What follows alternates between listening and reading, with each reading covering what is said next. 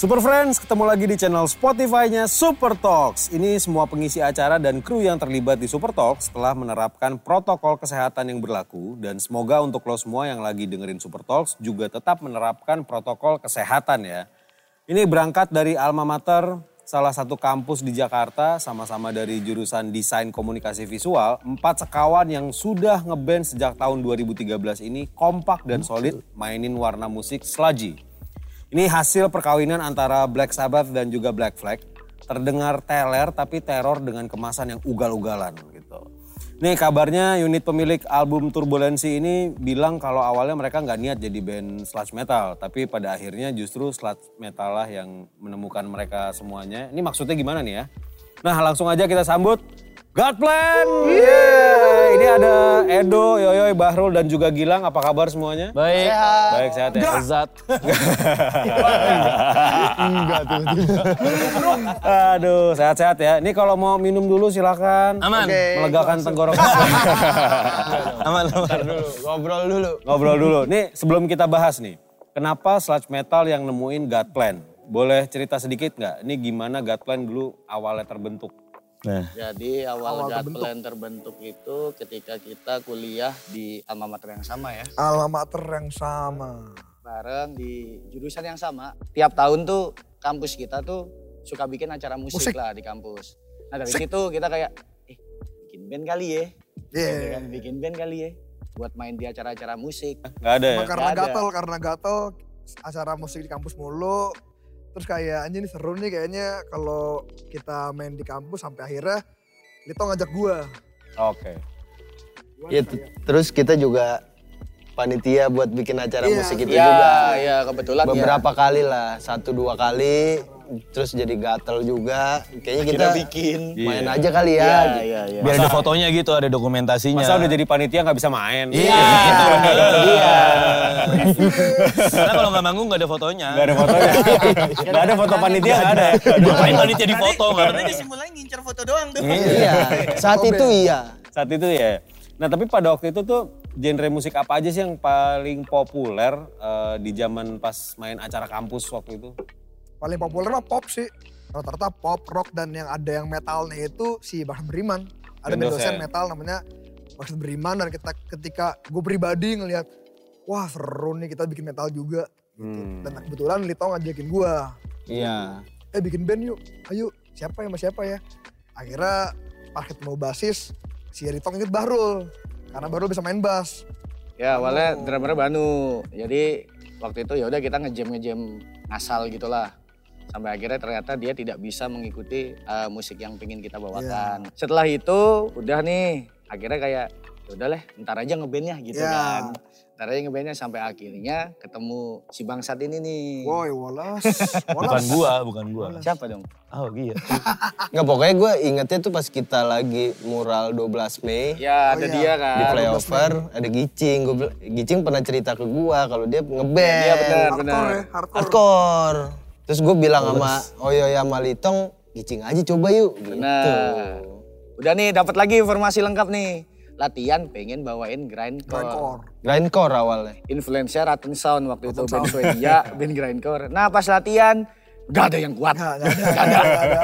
Ternyata berat. Sesuai, Ternyata kok sesuai, nggak sesuai, berat. Kayaknya pengen lebih nyantai deh. Akhirnya gue mikir gitu kan nyantai aja Ya, kali ya. Kayak ah, nyantai tapi seru gitu. Sampai akhirnya kebetulan pada era itu gue lagi dapat banyak referensi musik sludge doom stoner tuh dari Daniel, Daniel Dark Soul, bonga-bonga. Dan kebetulan emang di waktu itu gue paling sering sharing musik tuh sama Litong. Iya betul. Eh Tong, God aja kali ya? Atau Electric Wizard. Wah boleh tuh, coba-coba kasih ke anak-anak. Kita kasih gicing sama Barul dan rupanya dia suka juga. Hmm. Wah kayak gini aja nih masuk nih. Udah ada belum genrenya? Ada sih. Udah gak sih? Akhirnya kita Akhirnya kita ngejam dulu lagi tuh. jam. Startnya Proto. Electric Wizard ya? Iya. Ya Electric Wizard. startnya Electric Wizard benar. Ternyata setelah di setelah dimainin, loh kok kita feel-nya lebih dapat di Iya. situ. Chemistry dapat lah. Chemistry Itulah dapat ya. akhirnya yang kenapa eh, gua bilang eh, genre sludge itu yang menemukan kita gitu. Itulah awal mulanya kenapa Itulah. Sludge itu yang menemukan God Plan ya. Betul. Bicara tentang God Plan, Ini kan semua tanaman hidup ciptaan Tuhan nih. Yos. Lalu apa nih tanaman yang dimaksud sama God plan atau mungkin ada arti lain dari penamaan God plan? Kalau gue sebenarnya gue pribadi ya kayak plan tuh nggak buat gue pribadi nggak selalu tanaman sih rencana juga. Rencana juga bisa dibilang plan walaupun beda pengucapannya aja kan. Iya dan ibaratnya kayak ya Tuhan kan punya rencana dia Betul. menciptakan tanaman apa biar kita ada vegan. Ada fungsinya lah Ada itu. fungsinya ya? Ada fungsinya lah. Iya. Ya fungsi kita di sini ya mungkin kalau bisa dilihat ya dari misionaris kita bawain genre sludge yang mungkin bisa dibilang masih langka lah di sini kayak kita punya temen dari Bali ada band pendahulu juga dari Bandung ya oh Iya. Oh, dan selain itu juga mungkin kalau ngomongin lirik ya kita lumayan banyak ngomongin plan juga sih dalam tanda kutip ya nggak Iya. sih kayak ya liriknya itu lumayan kritis gak sih Kritis. Eh, berkutat tentang ya sebenarnya kehidupan sosial politik sehari-hari aja yang kita Iya. temukan. Iya. gitu. Misalkan kita lagi nyebar ke mana, terus tiba-tiba pas waktu latihan tuh kita ngumpul bawa permasalahan masing-masing. Iya. Ayo gue nggak suka nih gini-gini anjing ini tai ini gini-gini gini. Udah kita rebukin gimana? Bikin lirik aja gimana? Lirik. Jadi gitu. karya ya akhirnya. dan sebenarnya berangkatnya tuh lirik kita liriknya internal kayak kita ngomongin Politik problematika kampus, kampus. Awalnya Oke, keresahan-keresahan politik, Iya. politik kampus gitu Soalnya lah. kampus kita tuh Indonesia kecil Ya. iya betul. politiknya Sakti. gila banget Dan kebetulan kenapa namanya God Plan ada tambahnya lagi nih. Karena kita pada saat itu lagi demen-demennya dengerin God Flash. Oke. Iya. Kita plesetin God Flash. juga aja. Plesetin Oh, juga. triggernya ya trigger Iya. Triggernya God plan. Karena lagi demen God Flash terus kita nongkrongan di bawah pohon beringin Iya. Ya kebetulan lagi Flash, nanggung. Iya. God Plan God plan, gas. Dapat ilhamnya di situ. Iya, iya, di betul. situ. Apa dulu musik eh, dengan sound-sound yang selaji itu di skena musik lokal tuh udah common belum sih pada waktu itu ya? Terus apa yang sebenarnya menarik dari sound slash metal yang main di frekuensi lebih rendah, berat, keras, kasar dan agak kotor gitu? Belum sih waktu itu ya. Belum Sebenarnya belum se-hype yang- sekarang ya. apa gitu, yang- kalau iya. ngomongin sludge metal Ah, zaman benar. dulu gitu. Terus kayak kalau ngomongin sound segala macemnya, kenapa kita bisa menikmati itu kalau gue pribadi sih lebih kayak aneh aja sih. Kayak orang nyari sound bagus, kita malah sengaja jelek-jelekin gitu. Sengaja dibikin raw apa segala macem. Bagian itu sih lebih menyenangkan ya. Lebih jadi nggak ada rulesnya gitu loh. Jadi nggak ada patokan untuk yang bagus gimana ya. Ya bikin aja jelek selesai urusan gitu. Ya udah emang kayak gitu aja ya. Itu challenge juga sih kayak Kayak ternyata bikin bikin jorok tuh nggak segampang yang kasarnya kayak kalau lo mau break the rules ya lo tahu rulesnya dulu gitu. ya kalau ngomongin common tuh sebelum gua ini gue pribadi ya sebelum gue bikin God Plan sama anak band sludge yang gua tahu itu cuma dua slot slot tuh dari Bandung tapi dia sludge-nya lebih atmosferik Oke. lebih Mungkin post lebih metal ada cenderung elemen-elemen post metal, metalnya dan ya. ada juga out out, itu dari Bandung. yang lebih Apa ya? bosenin in a good way Bosannya ini gue nah, tuh Flat. Bener-bener dan dia mainnya di acara-acara crusty punk rock Tapi kalau bahasa Inggrisnya tuh ridiculously good. Iya. Anjing. dan emang kita emang kita di sini eh kita bikin sludge tapi dengan warna yang berbeda daripada mereka yuk gitu. Dengan cara kita aja gitu. Oke, oke. Gitu. Warnanya Plan ya? Iya, Sludge-nya warnanya. Plan. Nah sebelum sign sama Lawless itu kalau nggak salah tahun 2017 ya? Hmm. Sign sama sama Lawless. Gimana tuh perjalanan God Plan saat itu? Kabarnya udah ada rilisan dalam bentuk kaset sebelumnya? Eh, sebenarnya kalau ngomongin rilisan kita tuh awalnya tuh rilis digital dulu di Bandcamp. Itu demo tahun 2016 isi SoundCloud lagunya. juga SoundCloud. Iya iya oh iya benar. Itu isi lagunya ada infeksi, layar semu sama eh, Anxiety. anxiety. Nah itu kita rilis itu dulu sampai akhirnya ada satu waktu kalau nggak salah kita mau latihan ya waktu itu ya. Yang lu ke kantor dulu. Ya jadi eh, gua kan kalau gua kan eh, kerja di Lawless juga, terus gua latihan kan bawa gitar, terus gua datang ke kantor.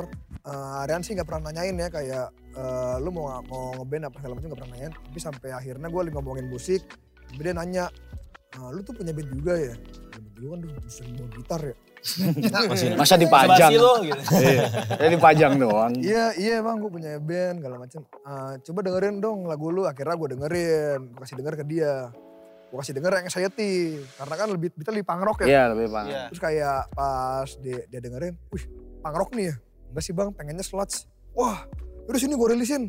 Langsung tertarik dia, kayak gitu. Jadi emang kayak gue nggak pernah ada modus atau apa kayak bang rilisin dong gitu. Cuman emang kebetulan terjebak dalam obrolan musik. Ya. Dan Hoki dia- aja. Dan dia tahu gue punya band dan gue kasih denger lagunya dan dia suka akhirnya dia mau rilisin. Dari situlah baru lahir kaset demo Kaset demo, Itu pas benar. kita mau ke Bali. Bali, Benar. Bali, preambul, Preambul, betul. Preambul, judulnya preambul. Isinya Itu raw ya? banget ya. raw, Rekaman live. Recording live, raw Iya. banget. Rare juga tuh, rare. Langka juga tuh yang punya tuh. Rare. Nah, berarti itu bisa dibilang eh, cerita awal mulanya akhirnya kalian bisa sign sama Lawless Record. Iya, Iya. Iya betul. karena kebetulan gue kerja di sana dan lagi ngomongin musik, Aryan nanya band gue, gue kasih denger lagu gue, dia suka. Oke "Eh, sini aja. album gue bikinin. Ah, ah. Di saat itu rilisan kaset itu juga Itu rilisan fisik pertama dari Lawless sih. Iya. Ya rilisan pertama dari Lawless benar. Oh, rilisan pertama eh, fisiknya Yang dirilis dari sama Law- Lawless, iya. ya. Iya betul. Jadi kalau misalnya pas waktu itu nggak di encourage sama Aryan, mungkin Gatwan bakalan lebih nyantai atau nggak terlalu mikirin bikin album kali ya. Kalau nggak di encourage sama Rian, ya kita akan lebih nyantai sih. Karena emang basicnya berempat tuh pada waktu Iya. itu santai. Bikinnya kayak mengalir aja, mengalir aja gitu kan. Iya enggak lah. sebenarnya enggak enggak enggak Nggak menargetkan apa pun iya enggak ngerencanain bakal bikin album. Album. Ada sih, ada sih EP ya. itu Agendanya EP. bikin EP, 4 Cuman, lagu. cuman lah. entah rilisnya kapan masih belum tahu. Dan akhirnya dikom- dikomporin sama Aryan, udah lah ngapain bikin EP, Iya, mendingan langsung tuh full terbakar. aja gitu. Iya, Akhirnya benar. udah prosesnya jalan segala macam, terus kita lumayan termotivasi sama hal itu secara harian gitu ya. Kita jadi semangat dan wah ini kita nggak boleh setengah-setengah nih gitu. Pada- Sekalian aja ya. Sekalian gas. Kita bicara tentang skena sludge lokal, Yap. tadi kan udah sempat dimention beberapa nama. Siapa sih yang sebenarnya kalian look up banget pada waktu itu yang memotivasi kalian supaya akhirnya ini harus punya album studio yang proper nih? Kalau ngomongin band sludge skena lokal yang motivasi kita jujur malah nggak ada ya. Iya. Kita kayak justru kita look Justru malah malah, metal. malah Di luar itu ya, ke di luar itu. Ya salah satunya komunal. Komunal. Suri. Hitam semesta, Suri. Album yang Mythology sama Mythology Space sih. Rider tuh, Space Rider tuh cukup berkenan lah di hati Membuka kita. cakrawala lah Membuka ya. cakrawala. Bener. cakrawala. Kayak anjir ini Luas bisa ya begini ya, Iya. bangsat keren banget gitu. Sampai akhirnya kayak, oke kita nggak boleh setengah-setengah nih. Iya, apalagi kan si komunal kan hitam semesta tuh kayak 20 lagu satu album bagus semua Betul. variannya Hmm. Iya, macam-macam gitu tuh kayak wah ini nih kayaknya kita mesti bikinnya kayak gini nih. Iya iya iya iya iya. iya. Proper gitu. Gue punya album itu tuh puas banget. Lagunya dari akustik ada, dari yang bener-bener heavy ada, Country, tiba-tiba blues country Iya, gitu tiba-tiba ya. ada blues iya country. bener. Itu Motivasi kita, motivasi kita komunal. Oke Super Friends, ini baru aja kita bahas gimana God Plan kebentuk dan dipertemukan sama sludge metal ya. Karena sludge metal yang menemukan God Plan, Yap. betul ya. Yang membawa mereka untuk jalan lebih serius dan solid bermusik di bawah label Lawless Record. Nah Super Friends, sekian dulu untuk obrolan di Super Talks kali ini bareng God Plan di Super Talks bagian yang pertama. Karena kita bakal balik lagi membahas fakta-fakta menarik dari God Plan di Super Talks bagian yang kedua. Pokoknya pantengin terus channel podcastnya Super Talks dan tunggu serunya ngobrol-ngobrol bareng Idola Lo only at Super Talks Podcast di Spotify. Dan selanjutnya, Caruk eksklusif hanya di Super Talks.